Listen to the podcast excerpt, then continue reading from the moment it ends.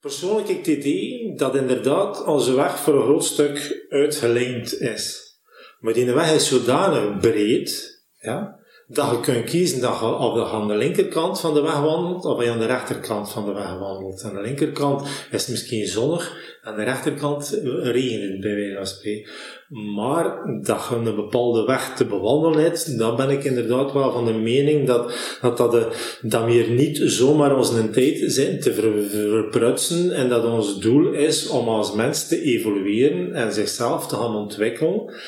En hier, je dus in mijn wachtruimte hangt er altijd een, een, een spreuk dat om de tijd veranderen. En een van die spreuken is, je krijgt niet wat dat je wilt in je leven, maar wel wat dat je nodig hebt. Welkom bij de Tim Tom Podcast. Ik ben Timothy. En ik ben Tom. Samen zijn wij jouw GPS naar geluk en succes. Hallo lieve luisteraars, Tom hier. Voor je begint te luisteren naar deze podcast, even je aandacht. Timothy en ik hebben een cadeautje voor jou. Ben jij, net als wij, ook op zoek naar meer focus, energie en discipline in je leven? Dan heb ik goed nieuws. Speciaal voor jou hebben we onze leestips en mooiste inzichten verzameld in een handig e-book, waarmee je direct aan de slag kan. Ga snel naar www.timtompodcast.com en download ons gratis e-book. Dag lieve luisteraars en welkom bij route 59 alweer van de Tim Tom Podcast. Als je mensen kan raken door te zijn wie je bent, de mensen mee jouw verhaal te laten volgen en telkens een druppel achter te laten bij de anderen in een groep, naar een wereld waar we systematisch groeien in een collectief bewustzijn ontwikkelen. En dat is dus de definitie van geluk volgens Koen Margot. Koen heeft er zijn missie van gemaakt om in het leven de materie van ethiopathie op een gemakkelijke manier uit te leggen. Ethiopathie is een verzamelnaam voor alle technieken die helpen om je fysieke, je emotionele, je mentale en of je spirituele lichaam op een gezonde manier terug in een evenwicht te brengen. Letterlijk vertaald betekent ethiopathie de wetenschap die op zoek gaat naar de oorzaak van het symptoom. Hij maakt rijkelijk gebruik van metaforen om je zo mee te nemen in zijn levensverhaal. Als student had Koen interesse in wiskunde. Hij ontdekte dat het lichaam eigenlijk ook wiskundig is en alles staat in relatie met elkaar. Het is de kunst om de systematische linken te zien. En hierdoor verdiept hij zich steeds verder in deze materie en na het lichamelijke kwam ook het emotionele naar boven. Dit was op hetzelfde moment als dat hij vader werd. Hij wou zijn kinderen bewust opvoeden. De Oosterse geneeskunde en onder andere Dirk Oliebrand, waar hij enkele jaren les volgde, inspireerde Koen verder. Emoties staan centraal bij de levenswijsheden van Koen. Zijn kijk hierop deelt hij mooi tijdens deze podcast en nog veel meer. Veel luisterplezier. Dag Koen. Goedemorgen. Goedemorgen, welkom eh, bij ons in de podcast. Dank u. Fijn dat je, uh, ja, dat je ons te woord wil uh, staan. Jij bent bevriend met Dirk Oliebrand, had ik ja, gehoord. dat is inderdaad. Ja. Ehm, ik weet niet hoe lang, ik denk misschien twintig jaar terug zeker, ben ik met hem in contact gekomen en ik cursussen bij hem gevolgd gedurende vier, vijftal jaar. Ja, interessant. Een gast, uh, een gast uit, onze, uit onze podcast, hè. Een, uh, aflevering 56, denk ik. Ja, dat weet ik niet, maat. 46. Het zal de 46 zijn. Ja, ja. Maar um, ja, dat was een boeiend gesprek. En uh, ja, mensen die bij Dirk zijn geweest, die hebben al goed in zichzelf kunnen peuteren. Ehm, dus jij hebt waarschijnlijk ook al flink wat stappen gemaakt in de persoonlijke ontwikkeling. Absoluut. Ja. Dus uh, van opleiding ben ik kinesitherapeut. En we zijn ook uh, die studies aan het, uit, oh ja, van, aan het volgen was.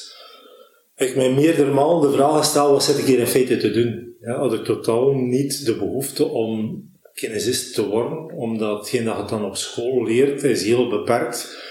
En dat wordt vooral duidelijk op het moment dat je begint stage te doen. Vanaf je tweede jaar begin je stage te lopen.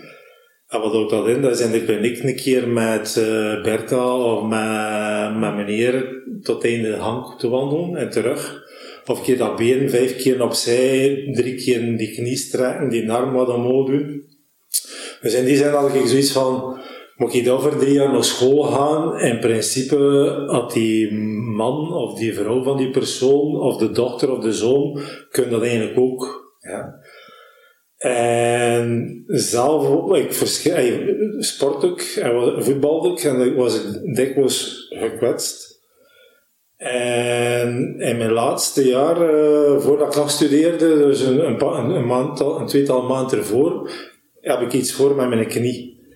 En dus stelde mij de vraag van wat zou dat nu zijn? Is dat mijn vrijsband? Is dat mijn uh, meniscus? Is dat mijn kruisband? Dus ik wou voor mijn eigen niet die diagnose maken, ondanks het feit dat ik op punt stond om af te studeren. Dan zag ik zoiets van, ja, maar ja, als ik het nog niet bij mezelf weet, en binnen een paar maanden komt mijn eerste klant, hoe kan ik het dan bij hem gaan weten?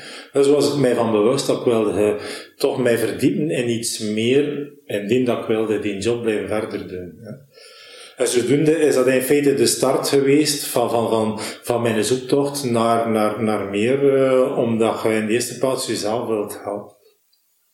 En in, in mijn eerste jaren ik vooral uh, allemaal cursussen gevolgd die puur op het fysieke gericht waren. Ja, waarom er uh, osteopathie er een, een ander deel van is, celiacs, noem maar op. En na verloop van tijd, uh, op, uh, in een van die cursussen werd er dan ook onder andere over, uh, over gesproken, over Saul Goodman. En dat was iemand die wel meer met emotionele werkte, waar ik totaal weinig connectie mee had. En begin opzoeken op internet en zodoende ben ik dus bij Dirk Koelebrand terechtgekomen, omdat hij onder andere toen al in contact stond met Mantak-Chia. En ben ik dus die cursussen beginnen volgen. En dat is een beetje gelijklopend geweest met, met de fase in mijn leven dat ik bewust vader ging worden. Ja? Dus ondanks dat ik een schitterende jeugd had, had ik toch zoiets van, ik wil niet dezelfde klakloze manier mijn, mijn kinderen opvoeden zoals dat, dat ik zelf opgevoed ben geweest.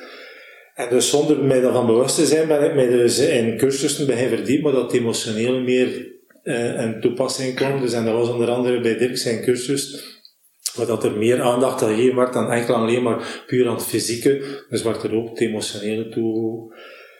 En dus na, na weg ben ik dan uh, verder geëvolueerd in de zin dat mij begon ook, uh, dat er meer en meer verhalen kwam van dat we meer dan één keer leefden. Dus zelf ben ik opgegroeid in een gezin van van een slager. Ja. En mijn grootouders zijn langs beide kanten boeren, dus in West-Vlaanderen geboren, dus meer in de aarde en meer zwart-wit konden niet hebben. Ja. Dus in mijn optiek, uh, toen dat ik ja, in mijn puberteit zat, was er geen enkel haar op mijn hoofd die dacht over een tweede leven of over meerdere levens. En die interesse is dus ontstaan met mijn eigen persoonlijk evolutieproces. En dus dat wordt dan mijn volgende cursus dat ik bij hem volgen ben. Dat is van, ja, wat, wat, wat is dat? Hoe zit dat juist aan elkaar? En toen ben ik eigenlijk in de organisatie van Timotheus terechtgekomen in Afligam. Ik weet niet of dat, dat jullie gegaan is. Een heel boeiende organisatie. Ik ben daarna vernoemd, dus... Uh, wat lief? Dus ik ben daarna vernoemd eigenlijk. Ah, ja, ja, inderdaad. Ja, dus, uh, en uh, Flip van der Vorst is, is, is een schitterende gast die, die enorm geboeid was naar meerdere levens. En die onder andere heel sterk is op, op stervensbegeleiding. En dus met haar cursus te volgen, met regressie te volgen, ben ik zo geëvolueerd tot, tot, tot op vandaag. En werk ik dus nu als Ethiopaat. En Ethiopaat is eigenlijk het Griekse woord, wat dat betekent Ethio, uh, oorzaak, uh, oorzaak, pathos de ziekte. Dus mijn essentie is eigenlijk op zoek gaan naar de oorzaak van ziekte, lijden, uh, de pijn. En dat is in een zo ruim mogelijke context. Ik hoorde je spreken, regressie. Uh, ik pas ook de regressietherapie toe. Is het dan ook, uh, breng je dan de mensen onder hypnose om uh, naar die regressie te gaan? Laten we zeggen, ik heb dat vooral gevolgd voor mijn persoonlijke ontwikkeling. Ja. En zelf gebruiken dat zo goed of niet. Ja. Dus het is wel zo dat als je iemand behandelt, dat je hem probeert mee te nemen in de diepte en dat hij op een bepaalde manier onder, ja, in een andere staat komt. Ja. Dus je kunt dat hypnose noemen, maar persoonlijk heb ik niet het gevoel dat dat hypnose is, maar je brengt ze wel in een, in een andere frequentie. De theta-staat. Ja, uh, zodoende dan er bepaalde emoties naar boven komen waarvan ze anders niet... Dat is eigenlijk, ja, hypnose, ja. ja. ja de, ja. Kunt moet een naam hebben inderdaad. Ja, maar ja, het is, ja, eh, inderdaad. Ja. Dus eh, ik heb dat gevolgd in, in, in eh, Heverlee, dus ja, ook heel boeiend. ja. Ah, ik zag ook op je website regressie, rebirthing. Ja, dat zijn allemaal dingen. Veel mensen, als ze dat lezen, denken van ja, bij die speciale ga ik toch wel niet langs gaan. Wat, wat soort cliënteel trekt je dan aan?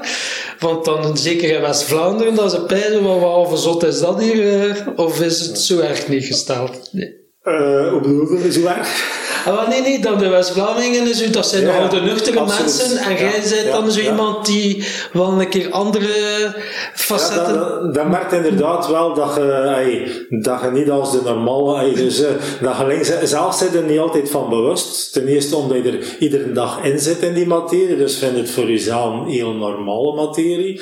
Maar dan hoort inderdaad wel links en rechts een keer van iemand, zo van ja, eh, het is wel een speciaal, of het is wel een beetje een raar, of noem maar op. Dus, eh, maar het cliënteel dat krijgen is puur van mond-op-mond reclame. hè, Ja. Dus van mensen die bij mij geweest zijn en die, die het verder vertellen. Dus, eh, En jij kunt nu wel al vergelijken, dus de gewone kinesietherapie en dan de behandelingen die jij eh, aan, aanbiedt. Ik ben de naam al vergeten. Weet jij het nog, Tom? Ethio, ethiopathie. Ja, inderdaad, correct. Ja. Schrijf het anders op, eh, Ethiopathie. Timothy. Schrijf het anders op, jongen. Maar eh, jij kan wel verschil maken, dus een sportblessure bijvoorbeeld, de gewone kinesietherapie en de behandelingen die jij doet. Waarschijnlijk zal er een sneller genezingsproces zijn wat dat jij toepast. Ja, inderdaad, dat is, dat is ook de, op, de optiek waarom dat je het uitoefent, of waarom dat je geïnteresseerd zit om systematisch bij te leren. In de eerste plaats omdat je altijd botst op, op weerstand of op je eindpunt, op je eigen beperking. En aangezien dat, ik- dat niet graag geconfronteerd word met die beperking, wilde op zoek gaan naar meer en gaat u gaan verdiepen naar, naar ja, wat kan dan eventueel wel de oorzaak zijn dat het niet kan oplossen. En anderzijds is het ook zo, ik, ik doe niet graag twee keer hetzelfde. Ja, dus ik ga het om, om transportbandwerk te doen. Dus eh, toen dat ik afgestudeerd had, wa- wa- was het ook zo van, er waren ongelooflijk veel kinesisten. Dus eh, toen dat ze vroegen, ah, wat, wat, wat, studeerde, en dat ik zei van kinesietherapie, was van, amai, ah ja, en ze lijnen nu al de straten mee. Dus zo van, eh oei, ja, dus had ik zoiets van, ik ga moeten zorgen dat ik iets meer kan dan deze die al gevestigd is, want waarom zou ze anders bij mij komen? Anderen al zoveel zijn. Dus zat die trigger er wel in om, om wat meer te kunnen. Ik zei het, ik hou niet eh, het beeld van ik wil heel mijn leven bij Bertha gaan en daar eerst een, zatje soepen drinken en dan met al diezelfde handeling doen en dan weer naar huis gaan. En, en, op dat moment meer een so dat kan een meerwaarde zijn voor die persoon. Bent op dat moment meer een sociaal iemand die blij is dat je er bent en die ik kan een babbelje doen. Maar mijn, mijn, mijn doelen of mijn eh, ideeën lagen ander- elders en waren vooral meer gericht om in die diepte te gaan op zoek naar, naar meer. Ja. Ik zei het, het, boeiende is, hoe meer dat je erover weet, hoe interessanter dat wordt en hoe, groter je honger. Want ik herinner mij nog, toen ik in mijn laatste jaar zat, eh, was er een, een, een leraar die zei van ja, er is zelfs één die, het- die het al kan presteren om nog nooit een stap te zetten in de bibliotheek. Ja. En dat was dus, dat was dus ik. Ja, dus, en dat was, ik was ook de persoon die altijd zat te lachen met de meisjes die van voren in de klas zaten en alles zaten te noteren, de, de nerdjes bij wijze van spreken. Ja. Terwijl dat er, als er nu een nerd rondloopt, dat wel ik is, die eh, van zodra dat tijd die, zich verdiept in, van alles en nog wat. Dus, eh, maar het is omdat dat boeiend wordt. Ja. En, en, en dat interessante is pas later bewust geworden. Dus uh, in mijn studies was ik altijd redelijk goed in wiskunde. Ja. Ik kom tot de conclusie dat ons, ons lichaam dat dat eigenlijk ook wiskunde is. In de zin van, alles staat in relatie met elkaar. Het is dus een kwestie om systematisch te kunnen die linken zien van, hey, om maar iets te zeggen van, ach, uh, de piriformis, dat is een spierke van je zitvlak. Als je die spier uitrekt, dan ga je zien dat je de nek beter draait naar links en naar rechts. Ja, dus als je je kuitspier losmaakt, ja, dan ga je zien dat dat ook een effect heeft op je middenrif bijvoorbeeld. Ja. Een andere spier gaat je elleboog beter doorstrekken. En dat maakt het boeiend dat je zegt van oké, okay, je lichaam, het is een puzzel en het zijn er ongelooflijk veel verborgen zaken en dus het is, Het is tof, het is plezant om op zoek te gaan van wat heeft dat lichaam nog allemaal verborgen voor mij te, of te ontdekken die ervoor zorgt dat het meerwaarde heeft. Want ik denk dan ook, ja, vooral lichaam, we houden emoties op, dus dan ga je wel eerst die emoties moeten aanpakken vooraleer dat je verder die behandeling kunt doen. Absoluut. Denk ja, ik. Ja, ja. Dat, ik vind- daarom dat ik zot ben van jullie podcast, omdat ik vind dat je enorm goede vragen stelt. Ah, en, dank dus, en dus is nu ook weer een die er bonkerrecht op is. Dus in die zin dat dat, dat inderdaad een meerwaarde... Ey, dat ik nu geëvolueerd ben, dat emoties voor mij wel heel boven, bovenaan staan en dat je niet die emoties aanpakt, dat je altijd blijft botsen op, op een bepaalde weerstand. En in onze maatschappij is het zo moeilijk om met onze emoties naar buiten te komen. Ja? Dus voor fysieke letsels heb je genoeg kinesisten, osteopaten, eh, noem maar op, eh, lichaamswerkers. Ja? Voor mm, het mentale hebben we de psychologen en de psychiaters, maar voor het emotionele hadden vroeger bij wijze van spreken de biechtvader waar je terecht komt, maar nu is dat niet meer van doen. En, en we zitten in een maatschappij waar dat van dat ze ons proberen bewust te maken dat we allemaal gelijk zijn en dan ze het allemaal moeten hetzelfde denken en hetzelfde voelen, terwijl dat iedereen totaal verschillend is, of dat je dat nu wilt of niet. Ja? Iedereen is verschillend en Enerzijds zit iedereen te zoeken naar zijn eigen authenticiteit, maar anderzijds zijn we constant onbewust beïnvloed om zoveel mogelijk gelijk te zijn. Ja, er, zijn er worden constant lijstjes van, en de gemiddelde Belg doet zoveel keer per dag, en de gemiddelde Belg eet dit of dit, of noem maar op. En dus onbewust proberen we daaraan aan mee te doen, want van, van diep van binnen zit er een bepaald kuddegevoel in ons want we willen er op een of andere manier altijd bij horen, bij de groep. Ja? En dat is die dualiteit. Enerzijds weten we van, wij zijn authentiek. Ja? Wij, wij hebben onze eigen persoonlijkheid en verschillen van iedereen. Maar anderzijds zijn we bang om in die authenticiteit te staan. En de maatschappij dat van vandaag steunt ons niet om op zoek te gaan naar onze authenticiteit. Ja? En vandaar dat die emoties wel belangrijk zijn, dat je kunt die emoties ventileren. En om dan terug te komen op uw, op uw heel eerste vraag van, uh, kunnen waarschijnlijk nu rapper de problemen oplossen? In die zin, om een heel simpel voorbeeld, als iemand zijn voet verzwekt, ja, dan, eh, uh, die, die persoon gaat- komt binnen en zijn ligamenten zijn eventueel gerokken. Ja? Dus vroeger ging je puur focussen op die enkel, ging je kijken van oké, staat dat beentje of stalus in uw enkel, staat dat nog op zijn plaats om de stabiliteit te, te verzekeren. Is dat niet het geval, dan ga je dat manipuleren en ga je dat, dat beentje op zijn plaats zetten. Dan ga je kijken naar de ligamenten, ga je eventueel fricties doen om dat extra te doorbloeden, om terug die, die genezing te gaan versnellen, zodat dat, dat beter is. Hè. Nu, mijn eerste vraag is van, als iemand zijn voet verzwekt, van oké, hoe je daarop gereageerd? En dan hadden we gezien dat dat kan verschillen van persoon tot persoon. De ene persoon gaat begin vloeken, ja, en gaat, boos zijn, en gaat boos zijn oftewel op zichzelf. Gaat zeggen van, geen nezel, heb ik dat nu niet gezien dat er dan een tegel los lag, of dat ik daar over die stoeprand gevallen ben. Die andere gaat boos zijn op, juist op die tegel, gaat zeggen van, dat stad verantwoordelijk is, dat kosten ze nu niet zorgen dat dat hier schoon af is, dat kijkt mijn voet. Ja, dus gaat er Verantwoordelijkheid verantwoordelijkheid bij een ander sturen. Nog iemand ander die, die zijn voet verzwekt en die al valt, gaat recht opstaan en kijken van, dit toch niemand gezien. Dus gaat een schaamtegevoel naar boven komen. Bij nog iemand ander ga je eerder de neiging om te wenen, dat zodanig veel pijn doet. Ja. Nog iemand anders gaat begin angst te zijn, van, god, het gaat toch niet gebroken zijn, zeer mijn voet. Dus en dan we gaan zien dat heel de rimram van mogelijke emoties naar boven komen. En dat is de enige reden waarom je dat tegenkomt. Ja? Dus in mijn optiek is, wat dat je tegenkomt, dat komt er niet zomaar tegen. Dat is maar reden. En dat is om je lichaam te ontladen, omdat blijkbaar er te veel emoties in je systeem zitten.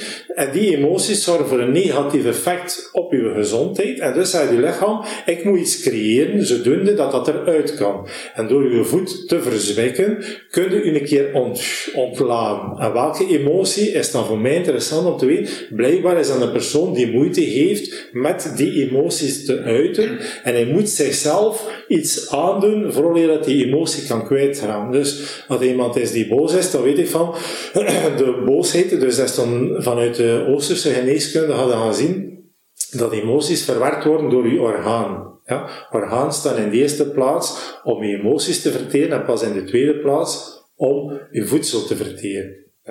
Dus als die persoon dan met zijn woede niet weg kan, dat hij in feite zijn voet moet omslaan om dan een goed te kunnen vloeken en boos te zijn, dan weet je van oké, die lever dat is de plaats waar je met je woede zit. Ja, dus die lever gaat redelijk belast zijn. Het is belangrijk dat ik die lever ook ga gaan losmaken. Zodoende dat er een beetje van die hitte uit kan. Dat hij zichzelf kan ontlaan. Zodoende dat hij zichzelf niet moet pijn hebben. Ja. Dat is wel uh, heel mooi. Wat goed, soms zo mensen ze hebben iets meegemaakt en dan zeggen ze: Ja, ja, maar ik heb een plaatsje gegeven. En dan uh, kunnen ze zeggen: is, dat misschien, is dat plaatsje dan misschien uw onderrug dat is ook pijn doet? Of bijvoorbeeld. Uh, Absoluut. Dat ja. is dan dus, en dat plaatsgeven is een basis van kanker. Allee, om er alweer direct to ja. the point te komen. Dus, Daar wil ik straks wel even op terugkomen. Ja, Want, dat is wel een bouwde uitspraak en interessant om op, op in te gaan. Maar ik hoor jou zeggen van enkel verzwikken, dat doe je niet zomaar. Um, dat gebeurt met een reden. En daarvoor had je het over authenticiteit, over uh, die, die dualiteit. Um, ja, in zekere zin lijkt mij dat elkaar tegen te spreken. In die zin dat als je iets tegenkomt met een reden, dan lijkt het alsof het voorbestemd is. Is dat dan ook wat jij uh, en wat jij, gelooft van je enkel verzwikken, dat, dat, ja, dat moest jij toen overkomen op dat moment. Dus heb je dan nog eigenlijk een vrije keuze, een vrije wil? Absoluut. Absoluut heb je een, een, vrije keuze en een vrije wil. Hey, persoonlijk heb ik het idee dat inderdaad onze weg voor een groot stuk uitgelijnd is. Maar die weg is zodanig breed, ja, dat je kunt kiezen dat je of je aan de linkerkant van de weg wandelt, of aan de rechterkant van de weg wandelt. Aan de linkerkant is het misschien zonnig, aan de rechterkant regent het bij wijze. Maar dat je een bepaalde weg te bewandelen hebt, dan ben ik inderdaad wel van de mening dat dat, dat, de, dat we niet zomaar onze tijd zijn te ver, verprutsen en dat ons doel is om als mens te evolueren en zichzelf te gaan ontwikkelen. En hier, dus in mijn wachtruimte hangt er altijd een, een, een spreuk dat om de tijd veranderen. En een van die spreuken is, je krijgt niet wat dat je wilt in je leven, maar wel wat dat je nodig hebt. En mijn essentie is om, om de kracht te vinden om op zoek te gaan waarom kom ik dit tegen. Het is altijd gemakkelijk om in ons slachtofferrol te, gaan kruipen en soms hebben we dan nood aan en is dat inderdaad goed om daarin te zitten, zodoende dat we een keer kunnen ventileren en een keer alles eruit gooien. Maar nadien is het ook interessant om terug in die andere rol te gaan stappen en te zeggen van oké, ja, wat, wat, waarom kom ik dan nu tegen? Wat kan ik daaruit leren? Wat kan ervoor zorgen dat ik daardoor alleen maar sterker... Dus in ons leven kom ik duizend keer op een T-sprong. We hebben iedere keer zelf de keuze om naar links of naar rechts te gaan. Ja? Het is afhankelijk van hoe sterk en hoe krachtig dat je op dat moment zit, dat je oftewel naar links of naar rechts gaat. En afhankelijk van eh, ja, wel een toestand dat zit. Dus niet iedereen wil op ieder moment geholpen zijn. Ja. Soms wil een mens zich een keer slecht voelen. En dat is hetgeen dat ik ook de mensen aanmoedig. Als je niet goed voelt, en wel, zo wat. Ja, laat je een keer niet slecht zijn. Ach, na x aantal tijd is het eruit. En je voelen. Kleine kinderen zijn een fantastisch voorbeeld. En op een moment zitten ze te ween, zonder daar een heel verhaal aan te breien, wat dat wij als volwassenen meestal wel de neiging en van zodra dat, dat ze gedaan hebben windjes gewoon erachter zijn, ze weer te spelen en is weer de, plezier van heel de wereld. En dat is in feite hetgeen wat dat, wat dat, wat dat, kan een meerwaarde zijn voor onszelf. Ja. ja. En uh, je had het uh, daarvoor over, over die authenticiteit. Je hebt ook bij Dirk Oliebrand uh, de, de cursus gevolgd, dus ben ik wel benieuwd. Ben je een vogel of ben je een vis? Oei, oei. Maar laat ons zeggen, van toen was hij daar nog niet mee bezig over zijn vogels en zijn besten. dus uh, dat weet ik niet. weet je, heb jij ontdekt wie, uh, uh, wie, de, wie de ware Koen is? Dat, uh, daar zit de vraag in. Dat is een goede vraag. Eigenlijk nee. Voor, voor, zoveel procent wel, maar, maar dat is, ik denk niet dat, denk dat dat een, een eeuwige vraag is die, die, die, die niet stopt. Ja? En dat dat juist de drijfveer van het leven is om, om systematisch opnieuw die vraag te stellen. Wie, wie, wie ben ik? Ja, en, en, ja, en nieuwe dingen van jezelf te gaan ontdekken. Want denk, het moment dat je weet wie dat je bent, ja, dat, dat stopt. Of Dan dat, is dat, alles dat, één, hè. Of dat Ja. Maasai, dat, dat, dat maar... eh, En, en die drijfveren, kun je, kun je er een paar noemen die, van dingen die jou drijven? Hoe bedoel je dan van... eh, Je zei net van, eh, hè, van ehm, dat het een ontdekkingsreis is van, hè, van wat, wat u drijft en eh, wat dat u doet groeien. Vaak zijn dat, zijn dat, de... Kernwaarden, ja. wat blieft? Kern, kernwaarden, wat, ja, wat, uw, uw drijfveren.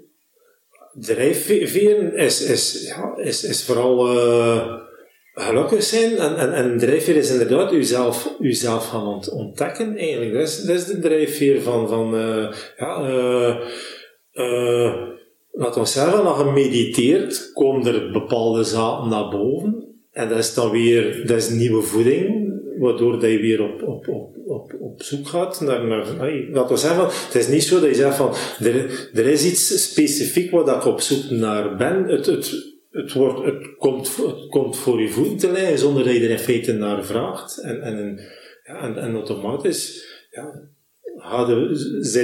je dieper erop in of probeer je er dieper op in te gaan op naar de meerwaarde ervan. Ja. En dat is een mooi bruggetje naar de, de vraag van de vorige gast, denk ik. Want eh, het verlengde hiervan zou ik zeggen van, je laat je waarschijnlijk gidsen, ook door eh, wijze lessen, door mensen in je omgeving of door eh, eh, bepaalde, bepaalde geloven. Ehm, en de vorige gast had de vraag, weet jij nog Tom? Ja, eh, even denken, zit ver weg. Eh, het ging over een Bijbel. Ja. En ze zei van, ja, naast de Bijbel van de kerk, eh, wat was jouw Bijbel in jouw leven? Ja. Wat was mijn Bijbel in mijn leven? Hm. Eh, denk in mijn jeugdjaar is uw Bijbel, denk ik vooral, de mensen waar je naar opkijkt. Waarvan hij denkt dat ze een meerwaarde zijn in een bepaald aspect van het leven. Waarvan je denkt van aan, aan die persoon kan ik dit leren, of, of dat zijn mijn, mijn, mijn, mijn, mijn wegwijzers als het ware, waar, dat, ik weet van dat ik ook op die manier evolueer, dan gaat dat ten goede komen van mij als mens, als persoon. En dat dit geduurd, ja, en dat, dat is nog altijd wel voor een stuk het geval, hè? dus eh, andere mensen zijn nog altijd een inspiratiebron voor, u, voor uzelf. Wie zijn dan zo uw rolmodellen? Goh, wie zijn mijn rol? Ay, laat ons zeggen van eigenlijk de, de, de, de topper in, in heel het verhaal is Patrick van den Ede. Want dat is hetgeen dat ik ging nu juist ook zeggen. Wat ik juist ging zeggen, die persoon heeft er mij bewust van gemaakt ay, om je spirituele connectie te gaan, te gaan ontdekken. Ja? Dus eh, niet op die, manier, op die manier verwoord, maar voor mij is het op die manier duidelijk geworden. Dus ik ben van de mening dat, dat het universum zit vol van sterren. Ja? En ik ben van de mening dat iedereen zijn persoonlijke ster heeft. Ja, zoals dat er, ja, nu dat je toch over je Bijbel bezig is, zoals er in de Bijbel staat, dat is ook op zoek waren naar de ster, ja, waar dat die persoon geboren was, ja, los van het gegeven of dat je nu katholiek of niet katholiek bent, eh, en in welke mate dat je meegaat in, in het verhaal. Maar ik ben ook van de mening, als je geboren wordt, dat er een ster loodrecht boven u staat, en die ster staat symbool enerzijds voor energie, vitaliteit, en anderzijds voor licht, helderheid. Ja. En de wereld is in evolutie. En dus de, de, de wereld evolueert. Het is de kunst om mee te evolueren met de, aan het tempo van de wereld waarin dat je leeft, zodoende dat je constant loodrecht onder die ster blijft staan. En als je loodrecht onder die ster blijft staan, dan heb je energie, voel je je gesteund, geleid. En anderzijds krijg je ook enorm veel licht. En dat licht zorgt ervoor dat je inzicht krijgt in de problematiek waar je, waar je mee te maken hebt. En dat is in feite dan vanaf een, be- dat een bepaald moment mijn Bijbel geworden. Dus dat is die spirituele connectie dat ik voel van, oké, als ik ook goed in mijn, in mijn connectie zit, als ik in mijn innerlijke rust zit, voel ik mij gesteund, geleid door die, die energie. Ja? En dus ja, dat is, een beetje twee, dat is in feite twee vragen, ah, ja, of twee ah, antwoord op die twee vragen. Dus is, is, is Patrick van den Nede en een schitterende gast. Ja, Patrick van den Nede. En uh, voor onze luisteraars, zo voor die spirituele connectie te vinden, heb je daar een handleiding voor? Kan iedereen die vinden, of is dat... Uh... Absoluut. Dat is gewoon tijd maken voor jezelf. Dus, dus, en, en te geen van, van, van geen verwachting te hebben. Ja? Want als je verwachting hebt, dan sluit al enorm veel uit. Dat is, dat is hetzelfde voorbeeldje geven of, of hier in die ruimte. Je zei van kijk, kijk een keer goed rond in de ruimte en kijk een keer naar al hetgeen dat rood is. dat heb je al een keer gedaan, die oefening. Ja, ja, en dan, en dan, en dan ja. zijn van wat is er hier allemaal groen. Ja, dus ja. als je zodanig focus van ik wil mijn, mijn, mijn spirituele connectie vinden, ja, dan, dan, dan beperkt het enorm veel andere zaken. Dus die openheid en zet veel tijd vrijmaken voor jezelf. Hè. Dus uh, dat is ook zo'n boetade dat ik zeg van, we zijn geboren met fantastisch toestel, namelijk ons lichaam. Maar het is één probleem, ze hebben er geen handleiding bij gestopt. Ze doen dan maar al weten hoe dat werkt. Dus hoe meer tijd en dat je investeert voor jezelf, hoe beter dat je, dat je die handleiding begint te leren kennen. En hoe beter dat je de handleiding kent, hoe meer rendement. Ja, dat is zo'n beetje hetzelfde in een computer. De eerste keer je een computer ziet en je kent er niks van, is alleen maar frustrerend van te zien. En zeker dat je dat dan een ander naast je ziet zitten die daar van alles en nog wat mee kan doen met in een computer. Die heeft de handleiding niet gelezen, is gewoon begonnen. die heeft de handleiding niet gelezen, is gewoon begonnen. En voilà, ja, dus, ja, leert ja, daardoor, leerde de handleiding. In feite is het inderdaad, wij zeggen, we moesten zelf schrijven, de handleiding. Dus, uh, dus door veel, door veel te oefenen leerde in feite, dus, want dan een ander betalen is van, uw lichaam is, is, hij is baas van een fabriek. En die fabriek, dat is uw lichaam. En uw lichaam bestaat uit miljarden celletjes. En al die celletjes zijn eigenlijk uw werknemers. Die constant, iedere dag, 24 op 24 aan het werk zijn. Met als enigste doel, die fabriek goed te laten functioneren. Dus hoe meer aandacht dat hij als baas voor uw fabriek hebt, hoe beter dat uw fabriek kan functioneren. Als hij een baas heeft die nooit aandacht heeft voor zijn fabriek, die altijd maar op reis is naar overal, dan is de kans veel groter dat er daar feestjes gebouwd worden in die fabriek, zodat het daar niet te veel gefunctioneerd wordt. Ja?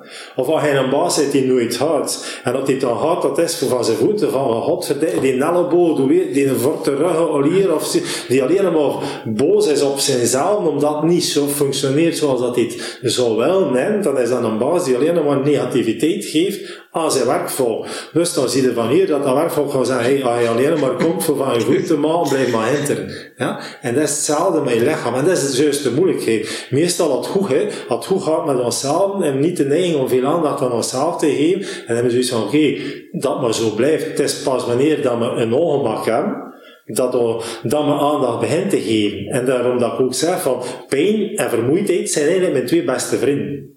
Ja, pijn en vermoeidheid zijn die eerste signaal die uw lichaam u geeft om te zeggen van, hallo, Timothy of Tom, hallo, of Koen, uh, het wordt tijd dat ik een beetje aandacht aan uzelf heeft, want ik ben niet content, like of dat je nu voor het moment bezig bent met mij te behandelen. Ja? En op wat niveau dat dat dan is, is dan verschillend van persoon tot persoon. Dat is dan de vakbond, ja. ja, die inderdaad die in opstand komt, ja. En dan is het een kwestie van, de, van, van te leren luisteren naar, naar je eigen lichaam en dat je, het zelf, en dat je zelf de antwoord niet vindt, om op zoek te gaan naar de juiste persoon die je daarbij kan aan. Ja, Tom was syndicaal afgevaardigd, hè. Dus, ja. Uh, en dan uh, bijvoorbeeld uh, zorg dragen voor je lichaam. Waarschijnlijk heb je ook wel een bepaalde bepaalde ochtendroutine om uh, een goede, rendabele fabriek te hebben? Ja, wel, laat ons zeggen, dat beginnen inderdaad met, met te mediteren. Uh, dus, uh, en voor mij is dat interessant vanuit mijn bed. Omdat vanuit je bed, allee, omdat je toch nog in een bepaalde staat zit, uh, in, in, in die een rustige modus. Dus dat gemakkelijkst, voor mij is dat gemakkelijkst om toch in die, in die flow te blijven zitten. Ja. En meestal begint dat dan met nog wat, wat oefeningsjes te doen. En wat ook belangrijk is, is morgens enkel alleen tot 12 uur fruit te eten. Voor mij is dat, een, dat is iets die ondertussen toch al meer dan 30 jaar het geval is, van enkel alleen maar fruit s'morgens. Ah, jij doet soms ook intermittent fasting, of niet? Dat je zegt nee. van... eh, Nee, allee, eh, vroeger heb ik nog, onder andere bij Dirk ik nog een keer een zuiveringskuur gedaan van, van eh, een week of tien dagen, wat dan ook wel heel boeiend was. Een heel verhaal apart, maar nee, ja. Dus, eh, maar voor mij is, is, is die voor mij dat heilig, omdat, ey, eh, uw lichaam, uw lichaam heeft energie, ja. En die energie wordt verdeeld, oftewel gaat die energie naar uw bewegingsstelsel, oftewel gaat die energie naar uw verteringsstelsel. En als uw lichaam energie over heeft, dan kan het des, te meer e- bezighouden ook met het kuisen van uw lichaam. Ja, dus ieder lichaam heeft een kuisploeg, is, is, is een systeem hè, die zich constant bezighoudt om alle afvalstoffen dat we naar binnen werken, om de die weer terug naar buiten te krijgen. Of je voedingsstoffen dat je verbrand hebt, geven ook afvalstof die er weer uithalen. Dus hoe meer energie dat je lichaam over heeft, hoe meer tijd dat je lichaam heeft om zich bezig te houden om zichzelf te gaan reinigen. En daarom, als je fruit eet, morgens, dan ga eh, de vraag is altijd, als ik iets opeet, hoeveel energie geeft mij dat? En hoeveel energie vraagt dat van mijn eigen systeem om afgebroken te worden? Want dus eh, om uw eten te verteren, moet u, moet u, wordt er speeksel aangemaakt, gaat de maagsap maken, gaat uw pancreassap creëren, gaat uw leverhal eh, aanmaken, gaan uw darmen eh, aan het werk gezet worden. Dus dat vraagt allemaal energie. Ja, energie dat je, dat je niet overhoudt om te, om te kunnen bewegen. Dat is de reden, als iemand een heel zware, copieuze maaltijd gegeten heeft, dat hij liefst van al een tukje zou doen. Want al de energie of al bloed gaat naar zijn verteringsstelsel, maar als gevolg gaat maar x aantal bloed. Dus het bloed kan veel minder naar uw bewegingsstelsel gaan. Dat is ook hetgene dat ze vroeger zeiden van, het is niet interessant dat je hebt met eten om direct te gaan sporten. Ja, dat je begint te sporten, dus de, je je staan op de eerste plaats. Dus al bloed gaat dan wel naar je spieren gaan, met als gevolg dat veel minder naar je spijsvertering gaat. Dus je voedsel gaat veel minder verteerd dat- waardoor dat je op lange termijn kunt probleem krijgen met je spijsverteringsstelsel, dat, dat je fabriek eh, of dat je, je schoorsteen verstopt geraakt. Ja. Ja, dat is de reden waarom eh, Tom en ik doen allebei aan intermittent fasting, maar met hetzelfde systeem in, eh dat? Ja. in gedachten, Ja, van het even rust te gunnen. Ja. En eh ja, ik heb turbulente, ik, ik heb wel last van mijn, eh, van mijn darmen. Turbulent zijn ze niet, maar. En bij mij zet zich dat op rug, op mijn rug. Dus op die, op die onderste wervels. En eh ja, door gewoon wat minder, eh, eh, wat minder frequent te eten, een lagere frequentie, en wat langere tussenposes. Ik sta gewoon mijn ontbijt over. Soms eh, ontbijt en middageten. En dan, eh, maar je moet wel natuurlijk wel genoeg, genoeg energie binnenkrijgen. Dus ja, dat, dan zijn je maaltijden wat groter in de middag en, eh, en in de avond. En ja, voor mij werkt dat heel goed. Ja, absoluut.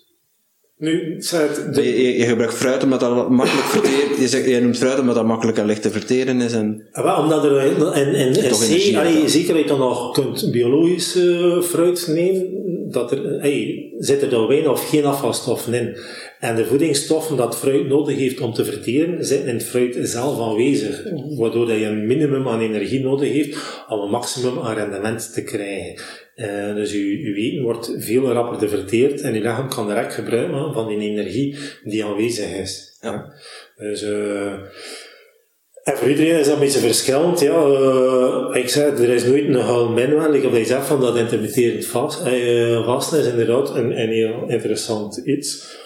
Maar op een bepaald moment kan het zijn dat je zegt van oké, nu, nu, nu ik niet gevoel dat ik dat nog absoluut nodig heb, ja, dan, is, dan is het misschien interessant om dat minder te doen. Ja. En, en, ja, er zit ook een gedachte achter. Hè? Dus je moet ook, het, is, het, is, het is het trainen van verschillende energievoorraadjes in je lichaam.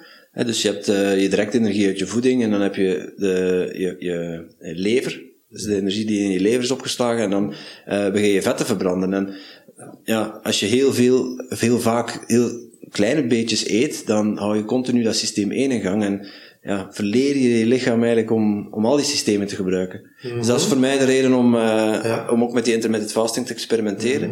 En ik kan me zeer goed voorstellen dat dat op een gegeven moment dat dat oké voelt en dat je zegt van, eh, ja, bijvoorbeeld alleen maar fruit ochtends. Ja. Ja, maar allee, om, om nu op uw, op uw opmerking verder te gaan, is het zo bijvoorbeeld, wanneer dat iemand dan bijvoorbeeld zwaarlijvig iemand, ja, ga ik En ook motiveren om wel frequent te eten. Ja? Is het doel om die fabriek terug beter op gang te brengen. Want vaak is het idee van, er zit te weinig energie. Dus van zodra dat je begint te kouwen, wordt heel je, je heel je spijsverteringssysteem aan het werk gezet. Dus als je bijvoorbeeld een koolhom koopt, ga je automatisch maagsap gaan beginnen aanmaken. Waarom? Omdat je hersenen een signaal geven, ah, er wordt gekookt, dus er gaat ze biedt, straks komt er daar eten bij, hasten, houd je er maar klaar, want straks gaat je dat eten verteren. Dus je, maag gaat al die sap gaan produceren. Dus het is belangrijk dat er dat er activiteit is, ja, en zeker iemand die dan zwaar leven is, gaat het ook gaan aanmoedigen om warme voeding te gaan eten, ja, omdat vaak dat, dat lichaam van binnen onderkoeld is, dus het is noodzakelijk dat er, dat er, goede verbrand, dat er een goede verbranding is. Meestal zijn de mensen bezig van, oké, ja, maar ja, uh, ik moet allemaal naar water kijken en ik verdik al, of ik eet echt effect niet veel, niet veel, en dat zal wel het geval zijn, maar het probleem zit hem niet zozeer in wat gaat er naar binnen, het probleem zit vooral in wat komt er allemaal naar buiten. Ja? En dat die fabriek geblokkeerd zit, om wat voor reden dan ook, omdat er vroeger ooit te veel gegeten geweest is, als kind in je eerste levensjaren bijvoorbeeld, ja, of omdat er zodanig veel emoties in je buik zitten die geblokkeerd zijn, waardoor dat je bang bent om in contact te komen met die emoties, waardoor je dus minder energie in die buik wilt krijgen, omdat je weet van als je hier gaat insteken, gaan automatisch ook die emoties naar boven komen, en ik wil die emoties niet voelen, dus wat doe ik? Ik ga, die, ik ga dat blokkeren, dus ga ik mijn eigen systeem blokkeren, waardoor ik minder vertering heb, waardoor dat je inderdaad? Want draait of keer, zwaarlijvigheid is letterlijk en figuurlijk een schild rond u plaatsen om u te beschermen van de buitenwereld. Zwaarlijvige mensen zijn over het algemeen allemaal supergevoelige personen. Ja, die dus een heel klein hartje die, die bang zijn om mensen te kwetsen, die bang zijn om zelf gekwetst te worden. Allee, in de meeste gevallen. En zo uit jouw ervaring, ja, heel veel mensen zwaarlijvig, dan denk ik ook wel spontaan aan het emotioneel eten. Hè? Als ze zoiets voelen, ja, van alles uh, beginnen eten. Ik moet eerlijk zeggen, ik heb dat ook wel een periode gehad. Het ging van ongezond, nu is het wel al gezond. Kan ik soms ook nog een onbewaakt moment dat ik vijf, zes rauwe wortels eet. Maar dat ik dan denk, het mechanisme is wel nog hetzelfde. Ik wil hier iets wegmoffelen. En uh, waarschijnlijk heb jij ook wel al zo'n mensen in uw praktijk gehad. Dus hoe pakte dat aan?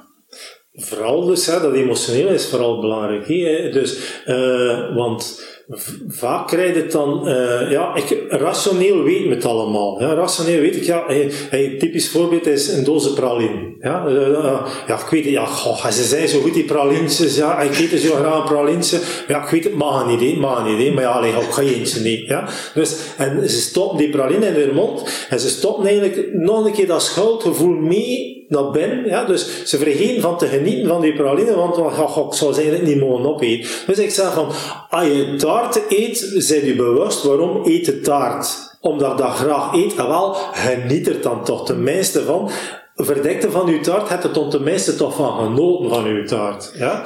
Dus het belangrijkste is van die emotie. Dus draait of keert, alles draait rond vibraties. Ja? Dus, en, en we leven in een magnetisch veld en je trekt hetgene aan wat dat je wilt, wat dat je nodig hebt. Ja? Dus uh, om dan terug te keren op door bij je voet te verzwijgen, dat je een voet verzwijgt, dan is dat omdat je dat aantrekt. Dus ik geef ook al het voorbeeld, als je aan het wandelen bent en er valt een pan op je hoofd, dan is dan er één dat ze moet op je hoofd vallen. Het is niet, valt ze voor u, dan is dat met een andere reden, en valt ze achter u, is dat met een andere reden. Dus dat is met dat aantrekkingskracht die rond ons hangt. En dat is ook zo met die emoties. Dus dat er een bepaalde emotie in ons zit, gaan we automatisch behoefte hebben naar een bepaald type van voedsel om dat te bevredigen, die emotie. En zolang die emotie er zit, gaat die behoefte er blijven zijn.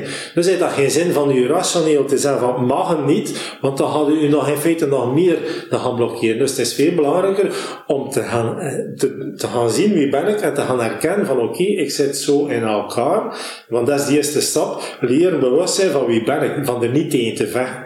Want je vecht tegen jezelf, ja, dan kun je niet winnen. Nee, maar je vecht constant tegen jezelf. Dus uh, je duwt jezelf weg. Dus je moet eigenlijk jezelf eerst omarmen, je dicht bij u nemen, en dat is juist de moeilijkheid, aan uw, uw negatieve kant liefde geven. dat is juist de moeilijkheid. Ja? En daarom dat we vaak nood hebben om bij iemand anders te gaan. Allee, voor mij is het niet moeilijk om liefde te geven aan een bepaalde plaats en een, bepaal, en een lichaam bij iemand, want ik heb daar geen affiniteit mee. Dus ik kan daar te volle die liefde wel aan geven. En het feit dat mijn liefde naar die zone gaat, kan automatisch die persoon ook zijn liefde ter in die zone van oké, het is oké, ik ben toch nog niet zo abnormaal, of, dat ik dacht dat ik ben, of, of eh, en dat helpt u om meer in die zone te kunnen gaan leven. En door het feit dat je in die zone leeft, kan die emotie die er zit gemakkelijker er naar boven komen en kunnen ze gemakkelijker er loslaten. En is dat dan ook, ja, wij hebben een therapie, misschien kan je die ook, Tom Hergots, uh, God rijdt met een Porsche. Ja, ja dus uh, ik er inderdaad, uh, via jullie podcast ben ik ermee ja. in contact gekomen. En ja, die heeft dan ook wel een manier om ja, die emoties om te ontladen, dus dat je echt wel met een, een emotie oproept en dat je dan echt wel met je tennisraket uit je lichaam gewoon uit mm gaat kloppen in een poef, ja. op een poef. Dus maar u zegt, je kunt ook nog ontladen op andere manieren. Ja. En hoe doe je dat precies? Maar bij, bij mij is het, is, is het, op een heel zachte manier. Dus uh, uh, de emoties heb ik, uh, ervaar ik zelf zijn vooral in het faciaal weefsel van, van de mensen. Ja?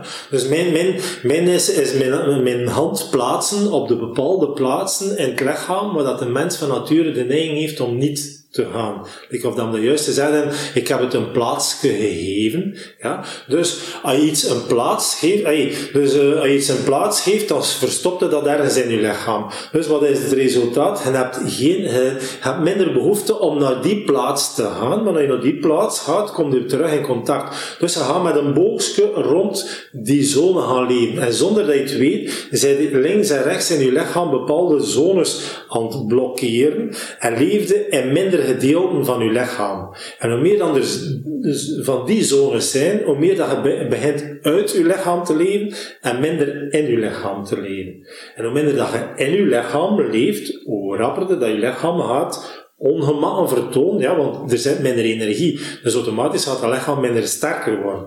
Hoe meer dat je uit je lichaam leeft, hoe gevoeliger dat je ook wordt aan alles rondom u. Je gaat veel rapperder beïnvloed worden door die persoon, door die persoon. Dat zijn dan zo gezegd die hoogsensitieve persoon die alles aanvoelen, ja. En dat klopt wel, ze voelen alles aan. En dat is niet verkeerd van alles aan te voelen, zolang of dat je ook die connectie met je innerlijke kern blijft behouden.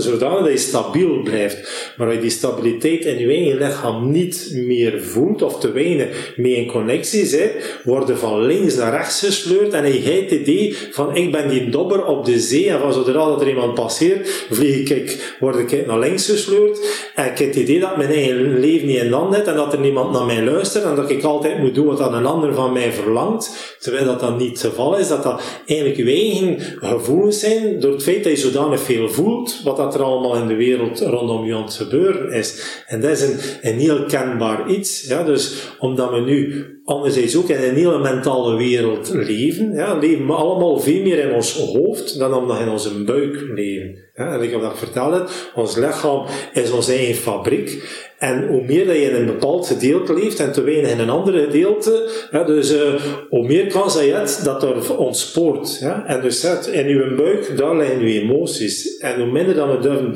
in contact komen met onze emoties, hoe meer dat we wegvluchten en hoe hoger dat we gaan leven. En zonder dat we het weten, zijn we constant in ons hoofd. En dan komen we op het feit van een metronoomtoestel. Ik weet niet of je dat kent, voor de maat van muziek te doen. Dus hoe hoger dat, dat blokje staat, hoe meer dat die wijzer naar links en naar rechts beweegt. Dus niet een dag voel ik mij goed, de andere dag voel ik mij niet goed. Niet een dag denk ik ik wit, de andere dag denk ik ik zwart. Dus hoe meer dat we in ons hoofd zitten, hoe letterlijk en figuurlijk, hoe labieler dat we in het leven staan.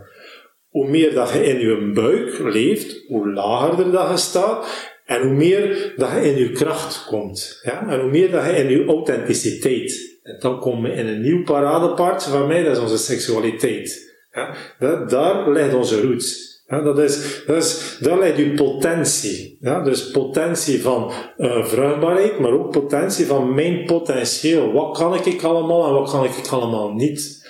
En dat is dan weer die dualiteit. Ja? Enerzijds, enerzijds angst, om in onze potentie, om in onze kracht te komen. Ja? En anderzijds een enorme behoefte. Daarom dat seksualiteit een, een, enorm, een, een enorme aantrekkingskracht heeft en zo aanwezig is in onze huidige maatschappij ook.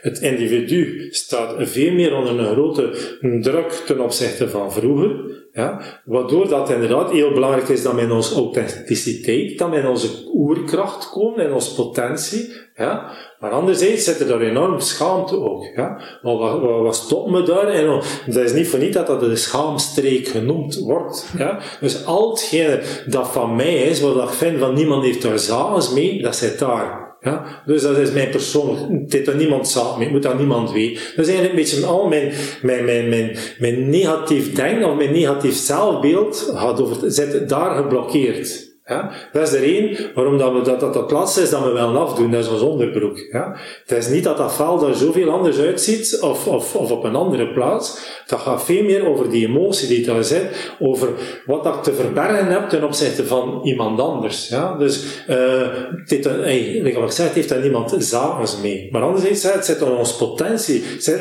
zit onze kracht daar. Dus er zit er ongelooflijk de nood om wel mee in contact te komen met die energie.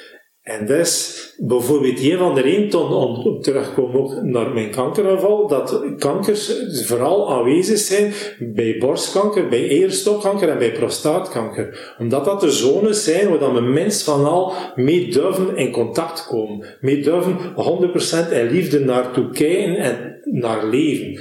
En dat is de fase waar we, hey, mijn ogen de volgende jaren gaan evolueren naar honderden jaren van, van onderdrukking, ja, naar een excess waarin dat we nu zijn, en dat die, die dat champagnekurk lang genoeg gespoten heeft, gaat dat tot stilstand komen, dan gaan we kunnen op een veel neutrale manier over die zaken kunnen babbelen en, en, en, en, en ontwerpen. Klinkt als een goede toekomst.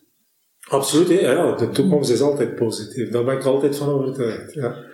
Um, onze podcast, de rode draad van onze podcast is geluk en succes. En uh, je zei net al uh, dat gelukkig zijn een van, uh, een van jouw drijfveren is. Mm -hmm. wat betekent geluk voor jou? Waar ik het voordeel had, dat ik al een paar keer naar jullie podcast heb geluisterd. dus dat, ja, dat kan een beetje mij kon voorbereiden op die vraag. Maar dan nog, het ene moment zit je zo te denken, dan een moment zit anders te denken. Het is dus, ja. het is daarom, daarom dat ook zo'n fantastische vraag is. Het is, het is, niet, het is niet te definiëren, nee, of het is niet te bepalen in, in een paar zinnen, of noem maar op. Maar wat voor mij geluk aanvoelt, dat is toch wel kunnen uw eigen weg bewandelen die je voelt, die voor u gemaakt is. Kunnen ten allen tijden uzelf zijn zoals dat je voelt dat je bent. Ja, en dan heb je altijd de keuze om in de zon te lopen of in de schaduw.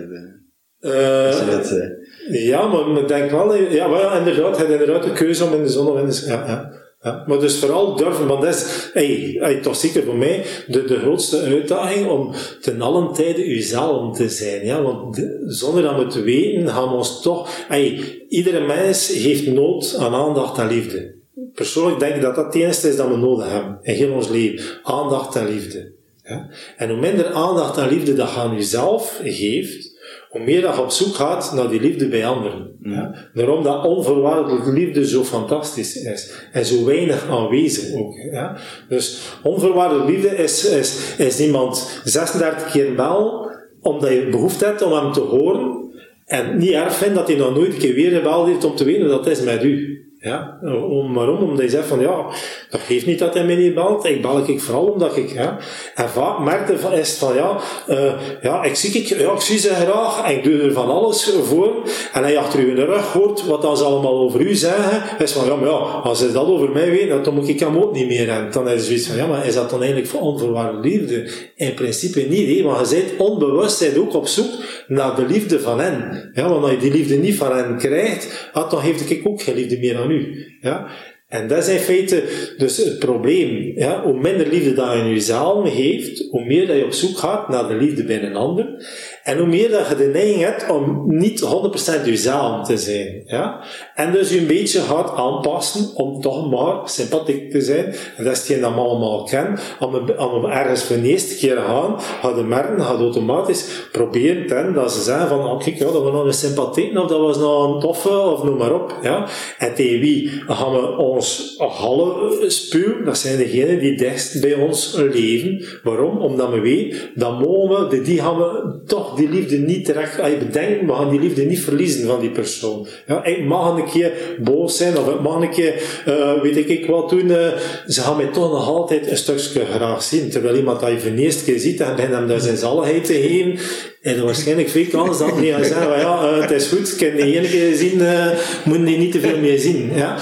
En dus, is dat voor mij gelukkig, gelukkig zijn, dat is kunnen ten alle tijden, ja, toch uzelf zijn en weten van oké, ja, uh, zie mij graag weg, ik ben blij, zie je mij niet graag, ja, het is jammer, maar ja, het is wat dat is, ik kan ik ook mezelf niet veranderen. En hij accepteert dat de mensen zijn, die Koen is wel een beetje een rare, hè? Ja, daar heb ik totaal geen moeite mee. Nee, nee absoluut niet. Uh, ja, uh, nee, want ik, omdat, omdat ik mij ook van bewust ben dat niet, hey, dat niet, hey, dat niet, mijn gedachtegoed niet altijd hetzelfde is of dat veel anderen, ja.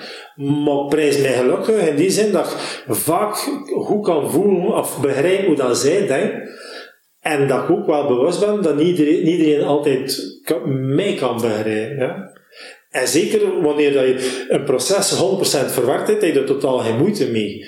Wanneer je zelf nog niet iets 100% verwerkt hebt, wanneer je zelf nog een stukje twijfel bent over iets, dan is dat lastig. Ja? Want dan zijn je in feite op zoek naar gelijkgezinden die u bevestigen. Ja?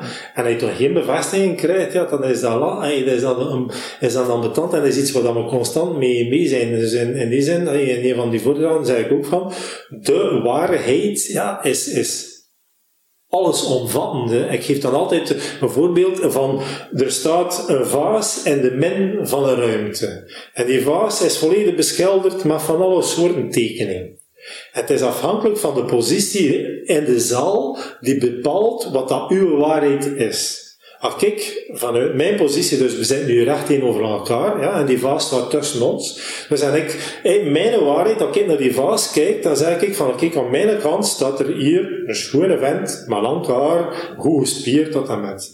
Maar die vaas aan jullie kant staat er een schone blonde vrouw, hoe, allemaal hoe voorzien van alles en nog wat. Dan gaan jullie zoiets zeggen allee, wat zit die nu uit te vertalen over, over een vent met lang haar? Het is verdomme een blonde, snelle, sexy, sexy vrouw dat we zien. Dus we zijn niet, we gaan niet over eens zijn. En ik vind dat totaal niet erg. Ik doe niet liever dan kunnen discussiëren, discussiëren of uh, uh, wisselen van mening. Ik vind dat fantastisch, zonder gelijk te moeten hebben. Ja? Ik ga wel hoe mijn verhaal heen, waardoor een ander misschien het idee van, nee, wel, die absoluut zijn gelijk al. Terwijl dat, dat voor mij niet direct noodzakelijk is, maar ik wil wel mijn verhaal vertellen van wat, wat zie ik aan mijn kant, wat zie ik Terwijl dat aan jullie kant totaal anders is. En dat is bijvoorbeeld op gebied van, van, van, eh, van het werk. Ja? Maar op hobbygebied kan dat zijn dat alle twee aan dezelfde kant staan. Dat alle twee graag sporten. Ja? En toen zien alle twee diezelfde vent. Of zien we alle twee diezelfde vrouw.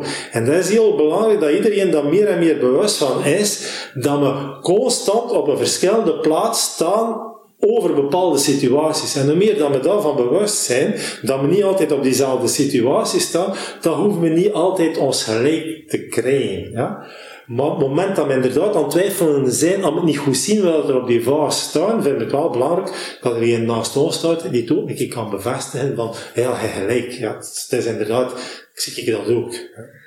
En uiteindelijk ook door de ervaringen dat je hebt meegemaakt, ga jij andere dingen zien dan iemand anders uiteindelijk. Iedereen heeft, ziet de wereld op een andere manier. Hè? Absoluut, dat is uh, inderdaad volledig bepaald door de ervaring die je meemaakt in je leven. Nee, uh, ja, ja. en wat dat inderdaad ook wel zegt, van... Uh, ik hoorde het over laatst iemand zei, zeggen van als je geen vijand binnenin je hebt, dan kan de vijand buiten jou je niks doen. Dus uiteindelijk is het gewoon als jij volledig oké okay bent, tevreden zijn met jezelf. Ja. Mogen zij nog zeggen, wat, wat een nozele gast is dat daar? Oké, okay, ja. ja, als je de bal niet opvangt, En die ander gooit die een bal en hij vangt hem niet op. En ja, dan is het magisch in een bal. Dan krijg je mijn gezicht. Of... en dat is hetgeen waar dat alles op gebaseerd is. En, en, en vangt die eerste bal niet op, en je gaat een tweede bal gooien die een beetje een groter is. Zo van, omdat hij denkt van, je hebt verzekerd niet gezien met een bal dat gegooid En dan hij ook niet opvangt, op de lange latsen staat alleen he, om, om met zijn bal, dus, uh, je moet er iedere keer weer achterlopen. Nee, uh, ja, en dat is, dat is het spelletje waar we allemaal constant met ons twee voeten maar nu en dan inlopen, dat is die bal opvangen en hem teruggooien. Nee, uh, wat hij zegt, zij zelf en zo van die dingen. Dus, uh, en, en, en niet zo van, ja, hij heeft mee geraakt, dus ja, ik moet ook weer gooien en man, dat ik ook wat kan uh, zeggen over hem, dat ik hem ook geraakt heb. Maar dat u niet raakt, dan ja, is die bal weg. En like, ja, dat is inderdaad goed gezegd van u. Als er geen vijand in u zit, dan... ja. En, het leven is softbal eigenlijk. Ja. ja, het leven is een softbal, ja. En succes, ja, dan weet je dan ook dat die vraag onvermijdelijk komt natuurlijk. Ja, en ik denk dat succes is, uh, dat succes is wanneer dat mensen u kunnen volgen. Dan denk ik dat dat succes is voor u. Mensen u kunnen volgen. Ja, en dus in ene zijde je zegt van, als ik kan doen wie dat ik ben, dat ik wil, ja, dan, voor mij is dat de verticale lijn. Je spirituele connectie, van ik doe wat, ja. En als je kunt, als je kunt mensen raken, met metgene wie dat je zijt, dat is dan die horizontale lijn, dan is dat voor mij succes. Ja? Ja, ja. Dus als mensen u volgen, dus dat je ja, meegaan in je verhaal, is dat een vorm van succes. In de zin van, oké, ik heb mijn, mijn uh, druppelke verspreid in, in de groep. En is dan een vorm van, van succes naar, naar, ja, naar een wereld waarin dan we systematisch groeien, waarin dat, ja, dat we met als doel hebben om, om algemeen te groeien in, in, in het collectief bewustzijn. En, en, ja. ja dan hebben we wel een mooie uitdaging nu voor je druppelke te verspreiden in deze tijden van COVID-19. Hoe doe je dat nu voor je druppelke te verspreiden en op te boksen tegen de media die oh. van alles... Uh, ja. ja, is inderdaad. Hoe doe je dat? In de eerste plaats probeer zo weinig mogelijk mensen tegen de scheen te schoppen, wat dat niet gemakkelijk is, want mijn natuur is nogal tegenovergestelde. En anderzijds niet meegaan in het verhaal wat dat er verteld wordt en bij je standpunt blijven. Dus blijven bij je standpunt, ja, en niet, hey, want ik zeg, de mens heeft zo rap de neiging om mee te gaan en wat dat er allemaal verteld wordt en noem maar op.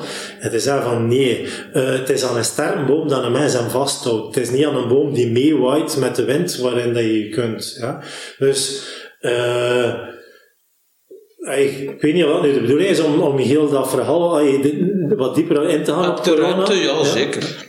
Dus persoonlijk heb ik niet het idee dat het probleem gaat over de virus. Ja, het is inderdaad, er is, een virus, er is een virus aanwezig, maar er zijn al heel zijn leven virussen aanwezig.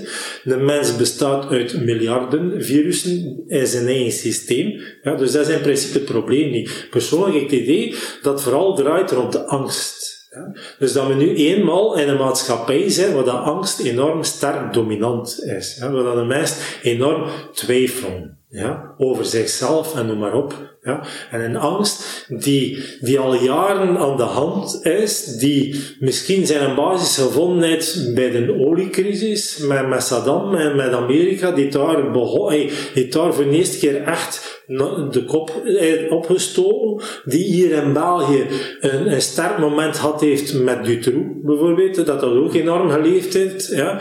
Dus die, waarbij dat je merkt van, die angst zit in ons systeem en de mens is bang. Matthias Smet, uh, die hadden we onlangs de gasten, die hadden het daar ook over. Hij zegt, dat is eigenlijk ontstaan bij, bij de verlichting al.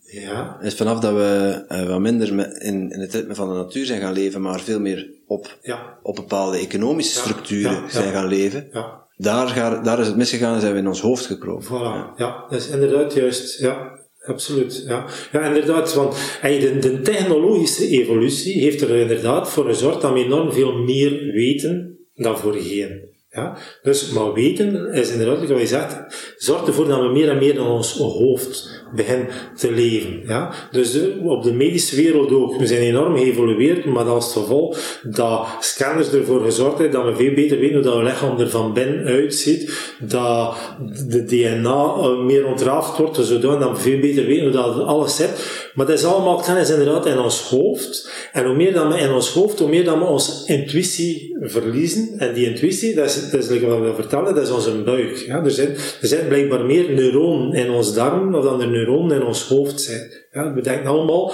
dat, dat ons verstand in ons hoofd zit, maar ons verstand zit in onze buik. Ja, je buikgevoel is veel sterker. Ja. En door die evolutie zijn we inderdaad eigenlijk onszelf beetje per beetje aan het verliezen, waardoor dat we niet meer weten wie dat we zijn. Waardoor dat inderdaad die angst enorm aanwezig is. Ja? En persoonlijk ik het idee dat die coronacrisis, dat we er nog in de eerste jaar niet vanaf zijn, hoe jammer dat ook is, zolang of dat die angst in onze maatschappij aanwezig blijft, vrees ik dat dat gaat blijven. Ja? En het grote nadeel is dat die angst constant iedere dag gevoed wordt door een bepaalde groep van mensen, ja, die constant zijn te zeggen wat we allemaal niet mogen doen. En raar, want het verhaal is altijd dat we niet mogen doen, dat is al het natuurlijke. Wat uiteindelijk ons buikgevoel van natuur wel zou doen. Ja, en dat mogen we zo zeggen niet doen. Ja, dus behalve, behalve, wandelen natuurlijk. Ah, wandelen mogen we wel. Wandelen in de natuur, dat mogen we nog. Hè? Ja, inderdaad, juist. Ja, we mogen inderdaad niet te veel verhalen mee. Ja. Dus, maar dus, we worden enorm veel afgenomen, waardoor dat inderdaad niet normaal is dat de mens zich niet meer goed in zijn vel begint te voelen.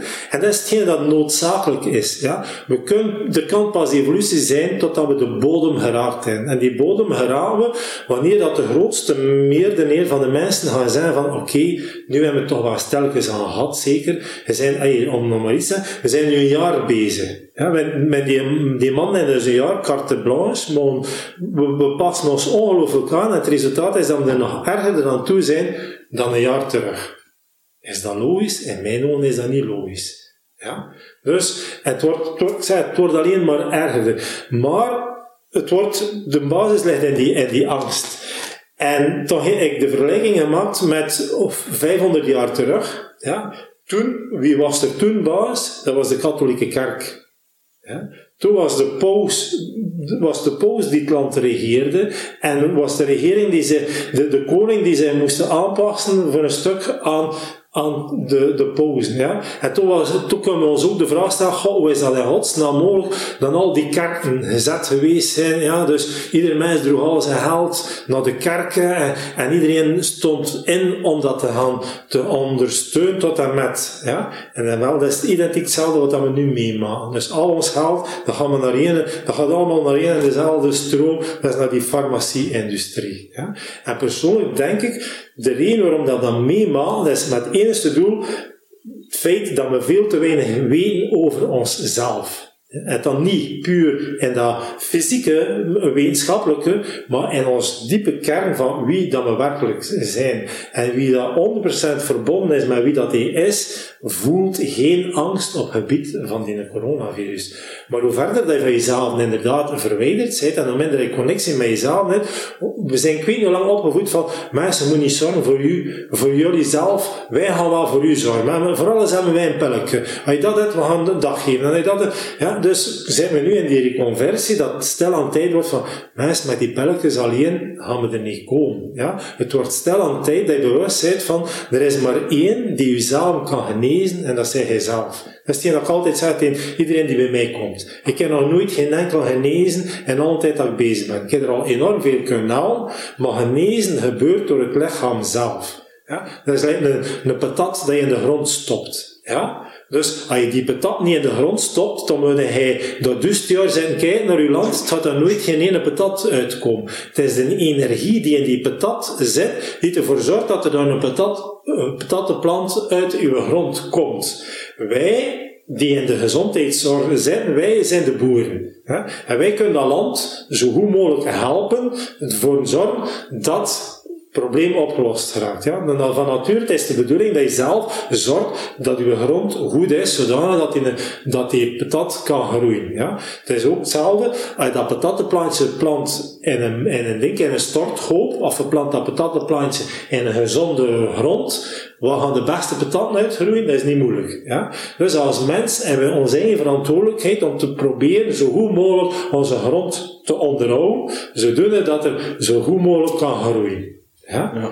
Is het logisch dat, die, dat een bacterie, ja, die leeft van afval, is dat normaal dat die een bacterie volop, te volop kan groeien in een ongezond lichaam of in een gezond lichaam? Nee, toch?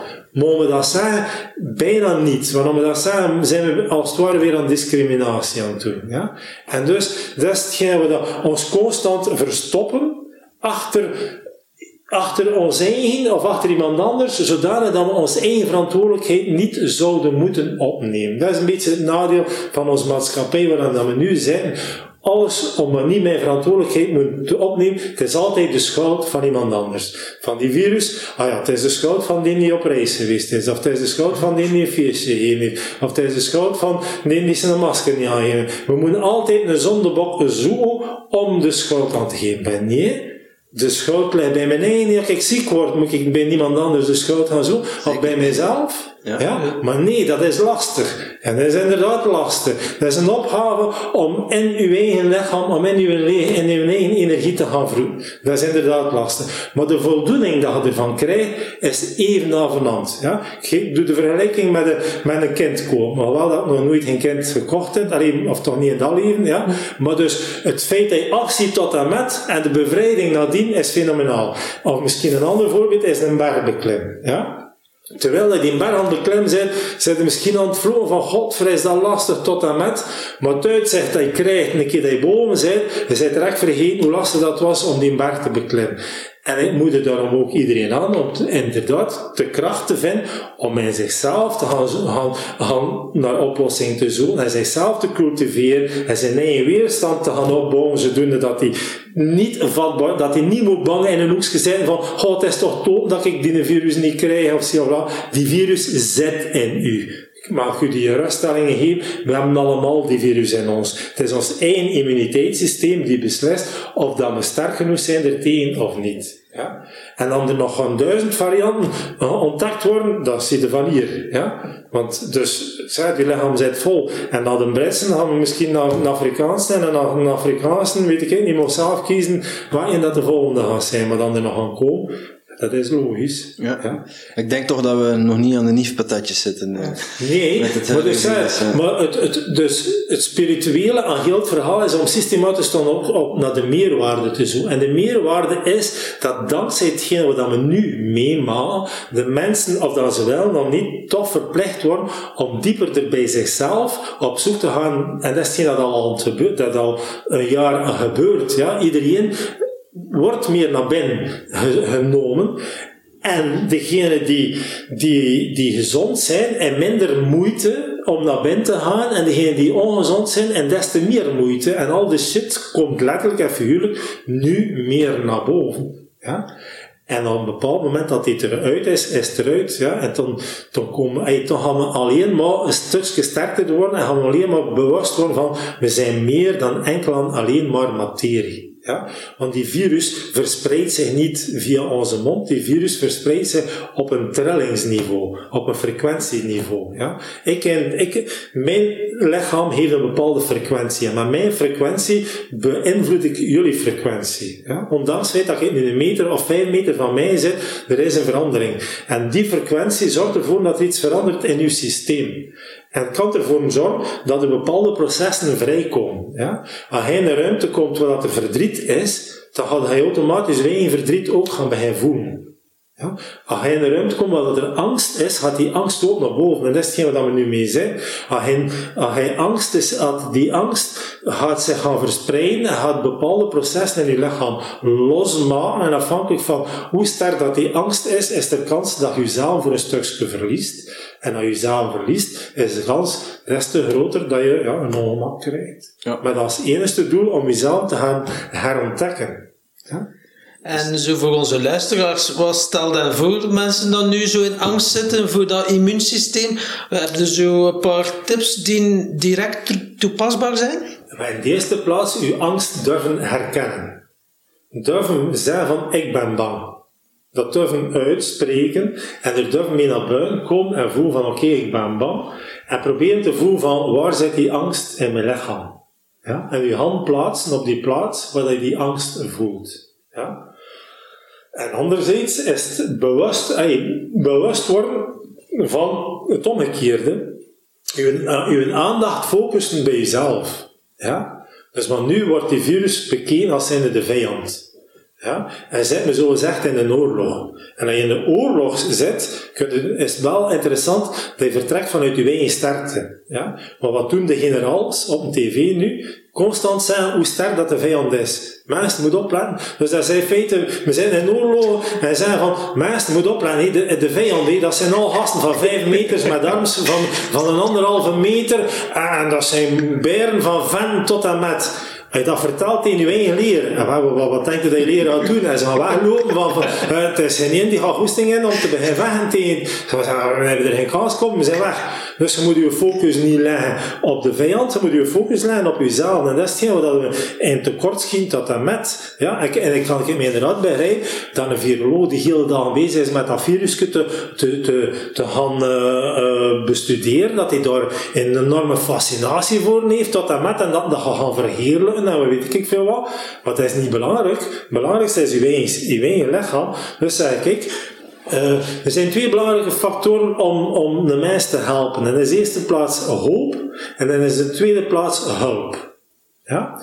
Die een hoop, of je eens bij met de hulp, dat is iemand wat je kunt een keer je verhaal doen. Dus iemand waar je zegt van, oké, okay, een, een of, of uw moeder, uw dochter, noem maar op, waar je kunt je hart luchten en je kunt zeggen wat er je allemaal stoort. Ja? Dat is de hulp die je krijgt. En de hoop, dat is iemand die u inzicht geeft van, kijk, dat is hetgene wat ik u kan bij hey, een weg tonen van, dat is de weg naar de oplossing. En dat is hetgeen wat ze met ons doen. Dat is, eerst, dat is in feite zijn van de hoop, dat is dat vaccin. Ja, dat is de hoop. Ja. Dus, maar ja, test er nog niet, gaan we een jaar wachten. Dat was hetgeen dat ze vorig jaar zijn. Dus dat is eigenlijk iemand een jaar hopeloos maken dat je doet. Ten tweede, als nu dat vaccin er is, ja, maar ja, we weten niet of dat uiteindelijk wel zo goed gaat zijn, want we zijn nog altijd uh, besmettelijk, je kunt nog altijd iedereen besmetten. En ondertussen zijn er zodanig veel varianten dat we niet weten of dat uw vaccin wel goed gaat zijn. Weghoop. Uh, Pfizer geeft zelf, is in een bijsluiter, dat wordt bijna niet verteld, dat het niet aangewezen is bij mensen met die bloedverdunners nemen, dat dat dus niet zo interessant is, uh, om maar iets te zeggen. Dus uw, uw hoop wordt weer een stukje afgenomen. Dus, wat, waar ligt onze hoop? Dat is zeggen van mensen, als uw immuniteitssysteem sterk is, dan gaat hij dat overleven. Ja? En misschien, ja, uh, en, en anderzijds ook bewust zijn van de dood maakt deel uit van het leven. Hoe hard, hoe hard dat, de natuur is keihard. En wij zijn een deel van de natuur. Dus we kunnen dat niet uitsluiten dat er iemand dood kan gaan. Ja? Juist niet of dat we het nu ook niet kunnen uitsluiten met al de maatregelen als doen, dat er ook mensen kunnen doodgaan. Dus kun je maar beter zorgen dat je zo goed mogelijk voorbereid bent. En dus, inderdaad, je eigen lichaam gezond maken. En dan zijn we bij de basis, dat is gezonde voeding. Dat is uh, anderzijds voldoende lichaamsbeweging. En de derde, die een belangrijke pijler, dat is die, dat emotionele. Ja, dat emotionele ventileren. Want te zeggen, oké, ik mag verdrietig zijn, ik mag boos zijn, ik mag, uh, noem maar op, heel de, de, de Rembrandt. Ja, want als je ene, als ene uitsluit, kun je het ander niet in. Ja, dus, ja. Ja, dat is inderdaad wel nog veel uh, werk alleszins aan de winkel dan. Uh. Ja, ja, dat is inderdaad... Uh... En een werk van lange adem, maar ja, er bestaat geen quick fix. Hè. Zolang dan die regeringsleiders en, ja, en de lobby's van de farmaceutische industrie, ja, dat is... Dan gaan we op het gezond verstand van de, van de bevolking, van de mensen moeten rekenen. En ja, ja. wat kun je... Ja, de media helpt ook niet echt de boodschap te verspreiden voor de mensen dan het goed menen. Mm -hmm. Wat denkt jij? Hoe kunnen we daaruit geraken uit die crisis? Maar door gewoon te doen wat hij denkt hij moet doen. Ja. Ja, dus dat, dat is ook zo met die, met, met die vaccinatie. Persoonlijk ben ik geen voorstander van, va- van, van een vaccinatie, maar het, het draait rond angst. En als je dus iemand hebt die zodanig bang is, die zich pas op zijn gemak voelt nadat hij gevaccineerd is, zeg ik, laat u alstublieft vaccineren. Ja, dan zit hij op je gemak. Dus dan komt het op neer van, wat kan ik doen om mij op mijn gemak te voelen? Dat is de essentie. Ja? Wat hij niet moet verwachten, dat is dat, je- dat je een ander verplicht dat hij dit en dat doet, omdat ik mij op mijn gemak zou voelen. En dat is een beetje het nadeel waarin dat me zit. Dus ik heb zoiets van, voel hij je op je gemak met je mondmasker? En wel, draag je je mondmasker? Dat is voor mij geen enkel probleem. Ook al neemt een hoop van je zuurstof af. Ja, en zit je constant in je eigen CO2 te leven, tot daar aan toe. Maar als hij je dan mee goed voelt, ja, dus het laatste dat je moet doen, is proberen iemand anders te overtuigen van je moet het zo of zo doen. Het enige dat we kunnen doen, is, ik breng mijn verhaal, en oké, dan besliste hij, wat doe ik met mij, maar wat doe ik ermee? En ik kies voor A of ik kies voor B, ja. Maar zit niet constant iedere dag op televisie te zeggen van, en doe dit, en doe dat, en doe dit, en doe dat, want dan zijn ze aan het conditioneren, ja. En dan zijn iemand, dan zijn de mensen aan het sturen. En dan zijn niet mensen aan het sturen, zo gezegd, voor hun belang, maar zijn er wel mensen aan het sturen voor uw eigen belang. Ja? Iets dat je voor hun belang doet, zeg je, ik vertel dat één keer. En, en moet je, het- wil je het niet weten, dan wat, dan laat ik het los. Alles dat belangrijk is, hé, dat moet je geen jaar aan een stuk 36 keer per dag herhalen. Iets dat belangrijk is, hé, een paar keer, je, dan, dan, dat absorbeer je dat en dan weet je dat. Dan weet je zelf genoeg van, is dat constant herhaald wordt, dat, dat, dat, klopt, niet. Dat is, hé, dat is onnatuurlijk. Is ja, de een riedelke, hè, ja, de blackjack rule. En hoe meer dat het herhaalt, hoe meer dat je het... Ja, Ah, Maar ja, dus is zo'n zin die ook zegt van, als je, als je een leugen lang genoeg herhaalt, wordt het een waarheid. Eh, eh, maar ja, ik zei het, het, het is blijkbaar, hey, eh, we kunnen daar nu nog over, lang over babbelen, maar eigenlijk moeten we door die fase, vooraleer dat we kunnen verder. Ja? En dus heeft dat geen zin om daarin tegen te gaan, moeten we gewoon die fase aanvaarden. En is vooral belangrijk om zelf zoveel mogelijk te doen waarin dat hij je goed voelt. Ja, en dan je zegt van, kijk, ik voel ik niet de behoefte om uh, uh, een mondmasker te dragen, of voel ik niet de behoefte om iemand uh, geen hand te geven. Ja, er is niemand die je belet om dat wel te doen. Nee, die twee mensen van elkaar vinden van, ik kijk ik graag een knuffel, maar, geef elkaar een knuffel. Uh, ja? En probeer zo weinig mogelijk te choqueren en, en zo weinig mogelijk anderen daarin in, in nog meer angsten te maken. Dus als ik thuis iemand vastpak, het heeft niemand gezien, ja, dan heb ik niemand anders angsten gemaakt. Hè. Als ik op straat iemand vastpak en die naast mij is een heel bange persoon, dan heb ik in feite die angstige voet bij die persoon, dus is het beter dat niet doe. Ja? Ja, ja. Dus kan ik beter die persoon dat, hey, daarin dan zijn angst uh, en proberen op te kijken van op welke manier kunnen we die angst wegnemen. En dat is vooral door zelf niet angstig te zijn. Mooi. Um, tot slot uh, willen we jou nog vragen om uh, een vraag te bedenken voor onze volgende gast. Oei, daar rekken we niet op gedaan. Het, hoeft, het hoeft geen bijbelse vraag te zijn. Uh. Een vraag? Oh, oh. Tof, inspirerende vraag. Een fan van onze podcast dat niet weten dat die vraag ging ja, maar ja, wel, wel niet, maar We hebben eindelijk stil. Ja, ja, bedankt. Ja. Goh, ja, omdat je zoiets zegt van, allee, ja, dat je een vraag stuurt iemand in een bepaalde richting, en dat van nature, ja, ja. Oh, een vraag. Ja, we hebben hem stil gekregen, joh. We did it.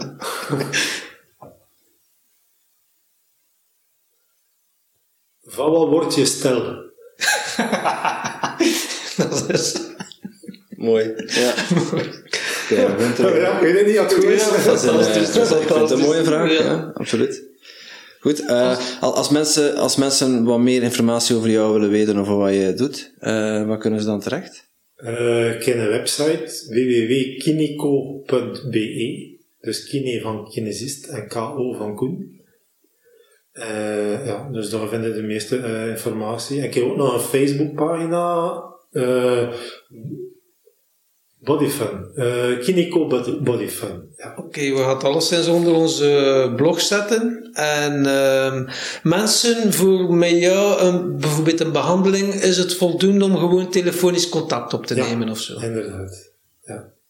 Super. Ja, want het is allemaal op afspraak. Dat inderdaad. Dat is allemaal op afspraak. We gaan dan Sibit uh, een keer even een agenda bijleggen, want ik ben echt wel heel hard geïnspireerd wat dat je doet en zo. Dus ik, uh, ik wil toch wel een keer uh, de test ondergaan, zien hoe dat Ah, het is schijt met mijn het, emoties. Dus ja, je hebt alleszins een klant bij. Het kan misschien niet eenmalig zijn Ja, dat ik zodanig ontgoocheld ben, dat ik zeg, maar die Koen hier gewoon uit Als, zijn botten zit. daar, als daar goed dan maar dan ja, Maar ik denk het niet. Het was echt wel eh, super om u hier in onze studio te hebben en we willen u echt van harte bedanken. Maar veel plezier, bedankt voor de uitnodiging. Nog een mooie uitsmijter s- nog een mooie quote. Verras mij af voor de tweede keer. Boetade. Ja. Een mooie uitsmijter. Goh. Een anekdote. Eh, ondanks het feit dat we meerdere keren leven, leefde maar één keer, dus carpe diem. hè. ja, super. Dank u wel.